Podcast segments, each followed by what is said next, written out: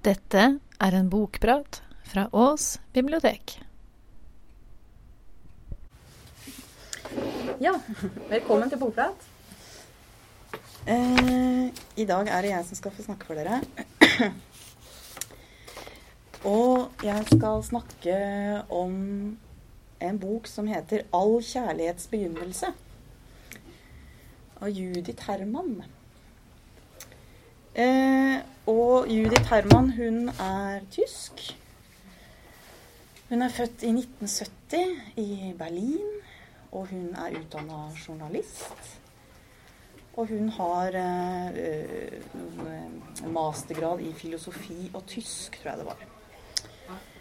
Så dette er en uh, meget uh, stødig dame.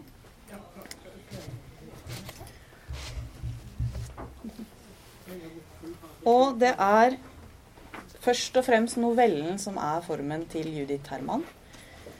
Hun har gitt ut eh, tre novellesamlinger. Og den første, som heter 'Sommerhus senere', den fikk hun helt sånn altså, Da sto det litterære Tyskland eh, litt sånn på huet etter henne, for de mente at hun var den eh, nye, store tyske stilisten. Så hun har fått veldig, veldig gode omtaler. Hold det litt høyere. Ja, sikkert. Jeg skal prøve. Er det litt høyere nå? Oi! Der. Er det greit for dere andre òg? Ja? Jeg går med lyd. Jeg snakker litt lavt. Og, eh, men den jeg skal snakke om, da, det er ikke en roman Nei, det er ikke en novellesamling. Det er den eneste romanen hun har gitt ut. All kjærlighets begynnelse. Og hvis jeg skal si noe kort om hvordan hun skriver før jeg snakker om boka, så kjennetegnes det ved at hun er veldig ordknapp. Eh, hun skriver veldig nøkternt. Hun skriver veldig sånn sobert og veldig rent. Selvfølgelig med masse, masse, masse ting som ligger under overflaten. Som det jo gjerne er når man skriver i korte ordlag. Eh, og hun har eh, noen sånne veldig fine beskrivelser av sånne nesten-møter mellom mennesker. Der folk liksom nesten når frem til hverandre og skjønner opp og ned på hverandre før det glipper. Og så sklir de fra hverandre igjen. Så det er hun veldig flink til. Eh, det er en del underliggende temaer i denne knappe romanen på 160 sider. Eh, men det som eh, stikker seg frem som sånn hovedtema, det er noe så utrivelig som stalking. Eh, og da må dere ikke tenke med en gang at dette her er noe sånn thrilleraktig, og at det er spekulativt. For det er det ikke. Men det er det som er temaet. Og eh, jeg tenkte at jeg skulle begynne å lese litt for dere fra det første kapittelet, rett og slett. Fordi det gir så fint anslag eh, til boka. Forteller ganske mye. Og hovedpersonen, da, kan kanskje si litt om det. Og det er Stella, som er 37 år. Hun er gift med Jason, og de har en datter sammen, Ava, på, som er sånn tre-fire år. Og de bor i en liten forstad til Berlin. Stella hun er uh, sykepleier. Hun jobber i hjemmesykepleien. Og Jason er bygningsarbeider. Og nå skal jeg lese første kapittelet hvor Stella og Jason, ekteparet vårt, møter hverandre for første gang. Og Stella hun skal dra hjem fra bestevenninnen sitt eh, bryllup. Eh, og hun gruer seg veldig, for hun skal fly. Hun har flyskrekk. Det er slik. Stella og Jason møter hverandre på et fly. Et lite propellfly, ingen lang flytur. Stella kommer fra Klaras bryllup. Hun fanget brudebuketten. Sannsynligvis er det derfor hun er så ute av seg, og hun måtte ta avskjed med Klara. Derfor er hun så bortkommen. Det var et fint bryllup. Fra nå av må Stella seg videre fremover alene. Jason kommer fra byggeplassen. Han har lagt fliser. Derfor er han så støvete. Og han har arbeidet hele natten. Han dro til flyplassen i grålysningen. Derfor er han så trett. Arbeidet er avsluttet, han må finne seg en ny jobb. Skjebnen og ellers plasserer Stella ved siden av Jason på rad 18, sete A og C. Stella kommer til å oppbevare boardingkortet i årevis. Jason sitter ved vinduet, plassen ved siden av han er ledig. Stellas plass er ved midtgangen, men hun setter seg likevel ved siden av Jason. Hun kan ikke annet. Jason er høy og mager, ubarbert, det svarte håret er grått av støv. Han har på seg en grov ulljakke og skitne jeans. Han ser på Stella som om hun ikke er riktig vel bevart. Han ser rasende på henne. Hun skremmer ham. Ingen krumspring, ingen tegn til nøling. Hadde ikke Stella fanget Klaras brudebukett, jasmin og syrin, frodig eh, prakt bundet sammen med en silkesløyfe, ville hun ikke vært så heseblesende. Glødende kinn, skremmende mangel på distanse. Stella, jeg heter Stella. Hun sier, jeg har flyskrekk, jeg tåler ikke så godt å fly. Kan jeg sitte ved siden av deg? Kunne jeg få lov til å sitte ved siden av deg? Det er sannheten. Jasons ansiktsuttrykk forandrer seg. Han blir ikke direkte myk, men han forandrer seg. Han sier, du trenger ikke ha flyskrekk. Sett deg her. Jeg heter Jason. Sett deg. Flyet ruller bortover startbanen, akselererer, tar av og flyr. Flyet flyr høyt opp mot den bleke, fjerne himmelen. De bryter gjennom skyene. Under dem blir landet et annet, tidligere liv liggende igjen. Jasons hender er skitne og fulle av maling. Han snur den høyre hånden og legger den åpne håndflaten fram til Stella. Stella legger sin venstre hånd i hans. Hånden hans er grov og varm. Han trekker hånden hennes over til seg, legger den i fanget sitt, lukker øynene, så sovner han. Senere kommer det til å være et forvarsel. Stella ville allerede den gangen ha kunnet forstå hun er redd, og Jason sover. Sover selv om hun er redd. Men han ville si at han sov, så hun kunne se at det var meningsløst å være redd. Den gangen skjønte hun ikke det. Da flyet lander, åpner han øynene og smiler. Så veldig mørke øyne, nesten svarte og egentlig fraværende i uttrykket. Men han smiler. Han sier, 'Se det, Stella, du har klart det.' Han tar nå hånden hennes i begge sine, og så kysser han hånden hennes håndbaken fast og sikkert. Skal vi treffes igjen, sier Stella. Ser vi hverandre igjen? Ja, sier Jason. Han sier dette uten å tenke seg om. Ja. Stella skriver telefonnummeret sitt på boardingkortet hans. Så reiser hun seg og flykter. Hun går ut og flyr på metalltrappen og ned på jorden igjen uten å engang å snu seg. Det er kjølig, det regner, umulig å vite hvordan det kommer til å gå videre. Jason ringer tre uker senere. Stella spør han aldri hva han har gjort i disse tre ukene. Hvorfor han egentlig har tenkt seg om så lenge. Hvilken konklusjon han da kom til.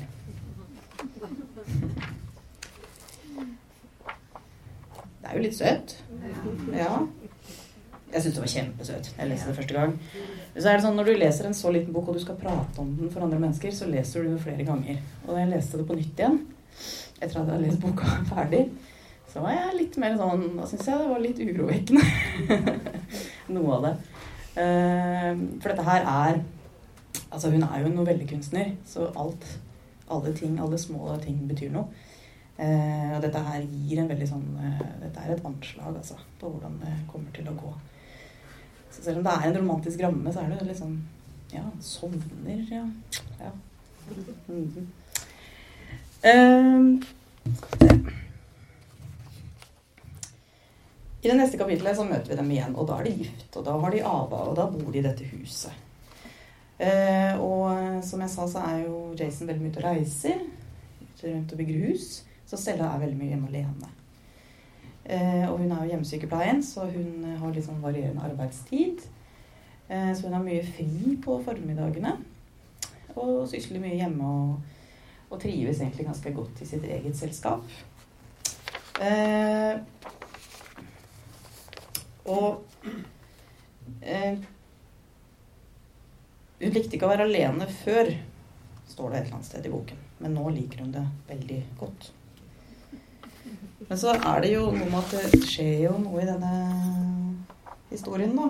Som bryter litt eh, idyllen. Jeg har jo allerede avslørt temaet.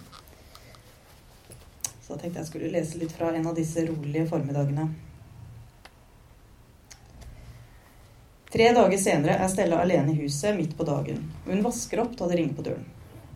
Tekoppen hennes, avvaskkopp, to tallerkener, en stor og en liten kniv. Tre minutter på tolv vasker Stella opp et glass, det ringer på døren. Hun skyller av skoene på hendene og skrur motvillig av vannet. Hun tørker hendene på oppvaskhåndkleet, går ut i entreen og ser seg kort i speilet. Hun kommer ikke til å glemme at hun hadde på seg jeans og en krøllet grå bluse full av vannflekker denne formiddagen. At håret var bundet sammen med en av Avas spenner. Hun er litt trett. Hun vil helst ikke åpne døren for noen. Vil helst slippe å snakke. Ikke noe av dette kommer hun til å glemme. Stella vrir nøkkelen rundt i låsen og ser samtidig ut i hagen gjennom vinduet og døren. Ser ut på porten i gjerdet. Selvsagt er porten låst. Hun vil åpne døren, men så tar hun hånden forsiktig bort fra klinken. På veien utenfor porten står en mann hun aldri har sett før. En ung mann, kanskje 30-32 år. Ikke postbudet, ikke et avisbud, ingen som skal levere noe, ikke skorsteinsfeieren. En mann uten utstyr, uten veske, uten ryggsekk, uten noen blomsterbukett. En mann i lys bukse, mørk jakke, ikke noe identifiseres ved. Et fenomen. Han har hendene i bukselommene, hodet lagt på skjeve, han ser bort på huset, han ser på ytterdøren, kanskje vinduet ved siden av ytterdøren. Hva holder henne tilbake fra å åpne døren, gå gjennom hagen mot han og åpne porten slik hun ellers ville ha gjort? Jeg vet ikke, skal hun senere si til Klara. Jeg kan ikke besvare dette spørsmålet ditt. Jeg åpnet ikke døren. Jeg ble skremt tilbake. Av hva? Mannen ute på veien venter. Så tar han høyre hånd opp av bukselommen og ringer på en gang til. Og Stella merker det plutselig. Det gjør henne nesten irritert at hjertet hennes begynner å slå fortere. Langsomt, kontinuerlig, som om hjertet skulle forstå noe som Stella ennå ikke har forstått. Hun tar, uten å ta øynene fra den fremmede, røret på porttelefonen ned fra veggen, holder det inn mot det venstre øret og sier ja. Mannen ute på veien bøyer seg ned. Stella aner ikke hvor høy eller lav stemmen hennes lyder ute på veien. Hun kan ikke huske egentlig noen gang å ha brukt dette callinganlegget. Han snakker inn i anlegget. Hun mener å kunne høre stemmen hans i øret og samtidig ute på veien. Stemmen i øret hennes lyder tydelig grøtet. Som stemmen til folk som tar tabletter, går på medikamenter, helt entydig. Stella kan høre det. Dette kjenner hun til. Han sier god dag. Vi kjenner hverandre ikke. Du kjenner ikke meg, men jeg kjenner deg av utseendet, og jeg vil gjerne snakke med deg en gang. Har du tid? Dette er ikke noe spørsmål. Ikke et virkelig spørsmål. Og det lyder også fremsagt som noe utenatlært. Har du tid? Stella holder røret et stykke borte fra seg. Skal det være en vits? Hun er nesten ikke sikker på om hun har hørt riktig. Mannen der ute står lett bøyd foran callinganlegget hennes og venter på et svar. Han gjentar ikke dette en gang til. Han sier det ikke en gang til. Hun må ha hørt riktig. Altså holder hun røret fast og sier høyt og tydelig. Jeg har ikke tid. Det går ikke. Du forstår hva jeg mener. Vi kan ikke snakke sammen. Jeg har nemlig overhodet ikke tid. Ikke i det hele tatt. Synd, sier mannen utenfor huset hennes. Nå vel. Kanskje en annen gang. Han retter seg opp igjen og ser bort mot ytterdøren. Klart og tydelig bort mot vinduet, der han egentlig ikke kan se Stella, tror hun, men tydeligvis antar at han gjør det. Han står der et øyeblikk uttrykksløst, så løfter han hånden som til en hilsen, men kanskje skal dette også være noe annet. Så snur han seg rundt og går bort fra gjerdet mot veikanten. Stella kan ikke se han lenger. Hun henger røret tilbake på veggen og vakler fra entreen og inn i Jasons rom. Jasons rom er kjølig og litt forlatt, så velkjent, slett ikke til å sette i sammenheng med det som får henne til å vakle inn her. Hun skyver Jasons stol til side og går bort til vinduet, feier uten å ville det nervøst tre penner og et papirark ned fra skrivebordet, og skremmes av det. Det bøyer seg, bøyer seg frem og ser ut på veien. Mannen har stanset opp på hjørnet. På hjørnet av tomten deres med ryggen mot huset. Der står han. Ser oppover veien og nedover. På venstre side ligger det hus som dette. På høyre side skogen. Veien går ut mot hovedveien. I enden av veien begynner allerede trafikken. Biler til høyre og venstre. Andre mennesker.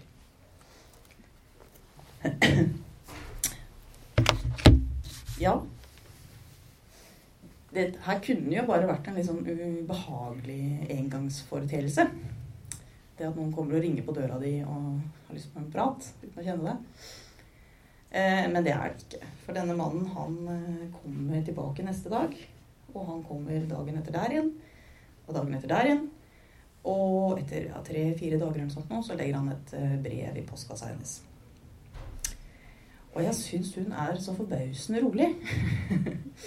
Fordi hun, hun tar nå inn dette brevet, og så leser hun det ikke. Hvis ikke jeg husker helt feil. Hun legger det bare sånn til side.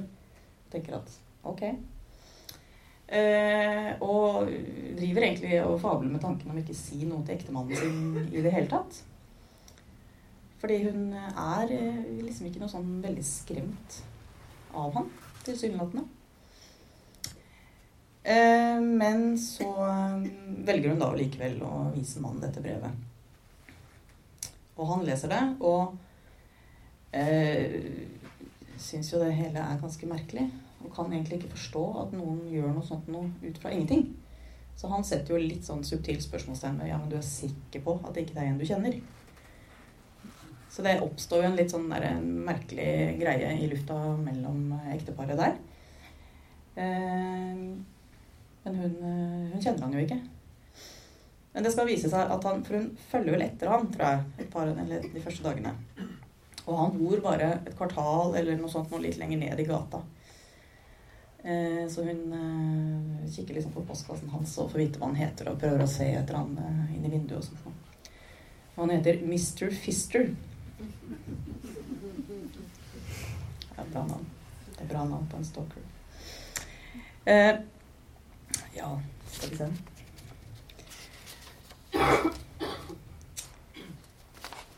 Eh, etter at hun har fortalt dette her til mannen sin, da, så så er liksom rådet fra mannen da, er at hun bare skal ignorere det. Så de, hun ignorerer det. Og han kommer jo hver dag. Han får sånn fast ritual med at han ringer på og hun ikke svarer. Og enten så bare går han, eller så legger han noe igjen i postkassa. Eh, og det kan være noen sånne små brev eller lapper, eller han la, han la igjen en diktafon, en minnepenn. Men hun tar liksom bare alt det her inn, og så legger hun det i en skoeske. Som hun ikke ser på. I hvert fall ikke på en stund. Så, eh, så, dette blir liksom en del av hverdagen hennes. Eh, og hun ringer aldri på når eh, mannen eller barnet er hjemme. Så jeg tror ikke det er akkurat sånn samme tidspunkt hver gang. Um, ja, jeg tenkte jeg også skulle lese Jeg nevnte det at hun jobbet som hjemmesykepleier. Hun har tre faste pasienter som hun reiser til. Jeg har litt lyst til å lese fra det ene besøket hjemme hos et ektepar. Hvor det er kona som er pleietrengende, og mannen som er eh, frisk og passer på henne.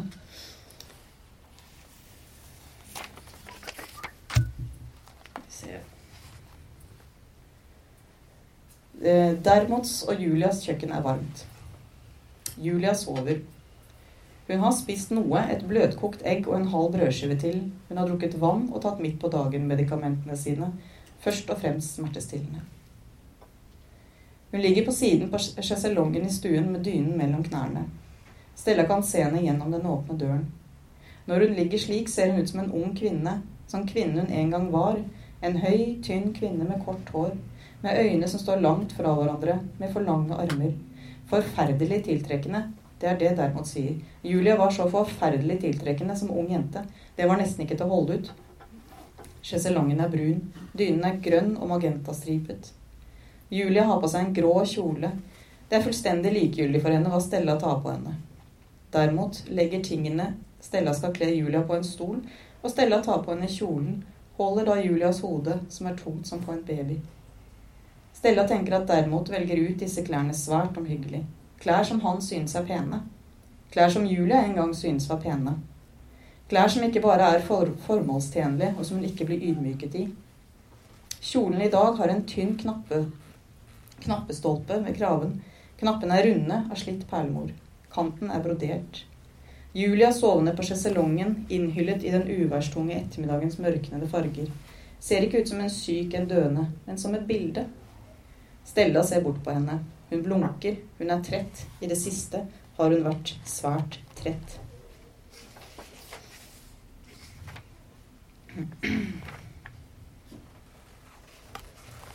Eh, Stella og denne litt eldre mannen da, derimot, de har en ganske sånn fin kontakt. De har liksom en tillit til hverandre som er ganske sånn rørende. Eh, så Stella prøver seg på en litt sånn samtale med han, da om eh, Ja, skal vi se Derimot sier 'drikk opp vannglasset før du går'.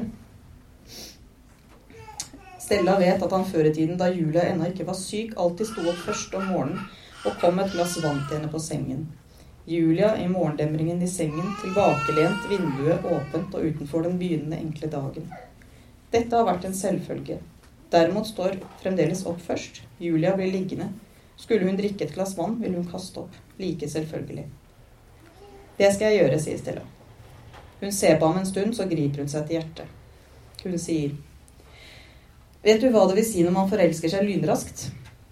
Når kjærligheten rammer en som et slag, som en ulykke? Jeg vet at det fins et ord for det, men jeg kommer ikke på det.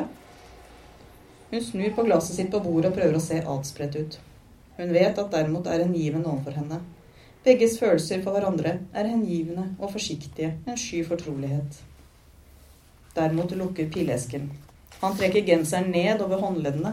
Han bruker alltid den samme svarte genseren, og ved håndleddene er ullen alltid raknet og hullete. Og ser på Stella, kanskje en anelse irritert, men også forbauset åpent. Har det hendt deg? Han sier det som om han vil bli glad hvis det hadde hendt Stella. Nei, det har ikke hendt meg. Kanskje det gikk meg slik som med Jason. Kjærlighet ved første blikk, det følte jeg for Jason. Men jeg mener ikke dette. Jeg mener det motsatte. Den samme følelsen, men det er noe ødeleggende ved den. Noe som ikke er godt. Derimot tenker etter. Så sier han, du mener Coop de Faudre? Kjærlighetstordenværet, det er det du mener. Det ødeleggende kommer fra lynet, fra styrken i lynet. Han smiler av det, som om det skulle være noe helt vidunderlig. Vent et øyeblikk. Han reiser seg og går ut av stuen og ut på kjøkkenet. Forbi sjeselongen. Han berører ikke Julia. Han kunne glattet ut dynen hennes eller berøre henne på skulderen, men det gjør han ikke. Og hun rører seg ikke, hun blir værende i dette bildet av lette farger, en sovende. Stella ser hvordan derimot trekker ut skuffen i skrivebordet sitt. Han roter rundt i en kartong en stund, setter den sukkende ned, går så til hyllen og trekker bøker ut av rekkene. Blåser støv av bokryggene, setter dem opp igjen og kommer til slutt tilbake til kjøkkenet. Med et postkort skyver medikamenteskene til side og legger kortet på bordet foran Stella. Et bilde, et abstrakt maleri, en figur slik Ava ennå maler dem. Rundt hodet med fletter, utstående ører og tallerkenøyne. En figur der armer og bein vokser ut som følehorn. Ansiktsuttrykket til figuren er fullt av bekymring. Det ser ut som den er slått i stykker, tilintetgjort og ødelagt. Her blir ingenting friskt igjen. Gjennom hodet farer et gult lyn. Piler ovenfra og nedover. Og i bakgrunnen en annen figur. Mannlig og skyggeaktig. En kropp og to hoder. Omtrent sånn. Ja, omtrent sånn, sier Stella nølende. Men kanskje heller omvendt. Er det jenta med flettene som er utsatt for kjærlighetstordenværet? Eller er det den skyggeskikkelsen der bak? Den mannlige skikkelsen. Hun prikker med pekefingeren på de to hodene på det høyre hodet. Det kan man se slik eller slik, sier derimot jeg vet ikke. Man kan i hvert fall ikke forsvare seg mot å bli elsket.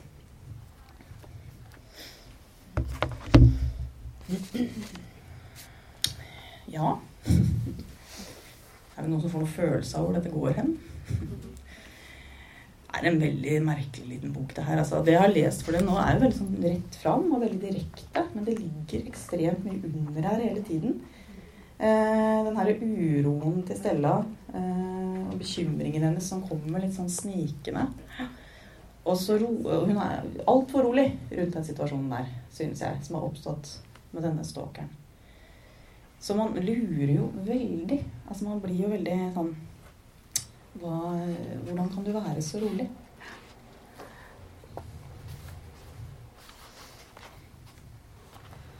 Det blir litt mye lesing på meg, da. Vi tar Dette er kort.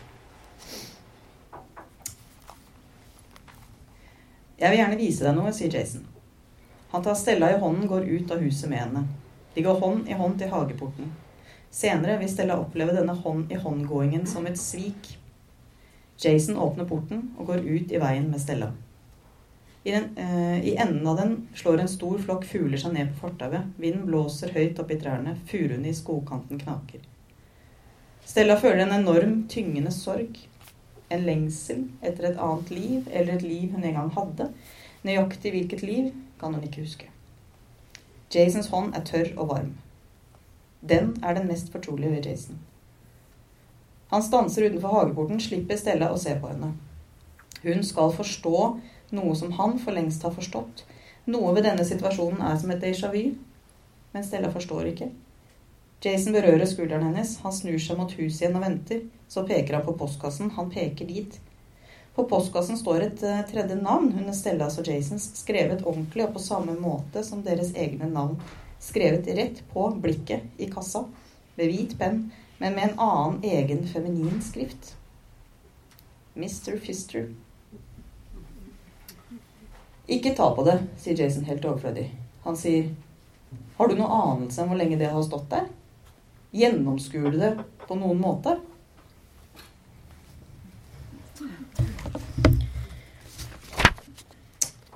Ja Det blir litt sånn creepy. Gjør det, da. Nå har jeg jo lest ganske mye for dere i dag. Jeg har ikke fortalt så mye om handlingsforløpet, men jeg syns liksom på en måte den boka er Eller den er skrevet i en sånn språktrakt som er så veldig, veldig klar. Og jeg tror veldig mange av dere kanskje også følger det jeg prøver å få fram nå om hva denne boka egentlig handler om. Håper jeg. Men i hvert fall sånn, når man leser den, så er den jo beskrevet over en veldig kort kronologisk periode. Som er ganske intens. Og det merker du veldig godt. Du merker at dette er en veldig sånn skjebnesvanger tid i disse få eh, involverte menneskenes liv. Og så er det et eller annet som vibrerer under der absolutt hele tiden. Eh, men reaksjonene er så dempede. Det går så stille. Det går så rolig. Jeg syns hun er ekstremt passiv, og da kommer vi til det store spørsmålet. Hvorfor er hun så passiv? Hvorfor går hun ikke til politiet før? Jeg har ikke noe, egentlig noe godt svar på det. Men det ligger veldig mange ledetråder her som kanskje tilsier at hun har utviklet noen, en, eller annen slags følelse for denne stalkeren. Ikke sant? Det er litt sånn vage antydninger om sånn Stockholm-syndrom her. Det er ikke noe kidnapping, men det at hun har fått noen følelser for denne stalkeren. Og så kan man spørre seg er det følelser for selve mannen, eller er det en eller annen følelse om ikke sant? Du vil ha du vil ha en forandring i livet ditt. ikke sant? Du vil at noe skal skje. Du går og venter på at noe skal skje. Det er det man kan lese ut av det. Kanskje. Um, og på slutten av boka så skjer det jo da ting som man selvfølgelig ikke skal avsløre. Uh, men jeg må si at jeg er enig med de som sier at Judith Herman er en veldig, veldig god stilist. Jeg syns hun skriver kjempegodt. Jeg merker at når man leser det høyt, så blir det så er det litt annerledes enn når jeg leste det. For da kommer det litt sånn humor under det som ikke Som jeg tror ikke forfatteren har tilsikta. Eh, men, eh, men jeg syns den er svært god. Og den inneholder ekstremt mye på de 160 sidene. Eh, og den har også en av de beste sluttene jeg har lest på veldig, veldig lenge. Den skal jeg selvfølgelig ikke lese. Men hvis dere velger å lese denne boka, og når dere da leser de to siste setningene de to siste setningene i denne boka fikk meg til å revurdere hele boka om hva det egentlig handlet om. Så, så med det så håper jeg å ha trigget nysgjerrigheten. Selv om det ble litt sånn rotete fremstilt. Men det er en veldig bra bok! ja, takk for meg.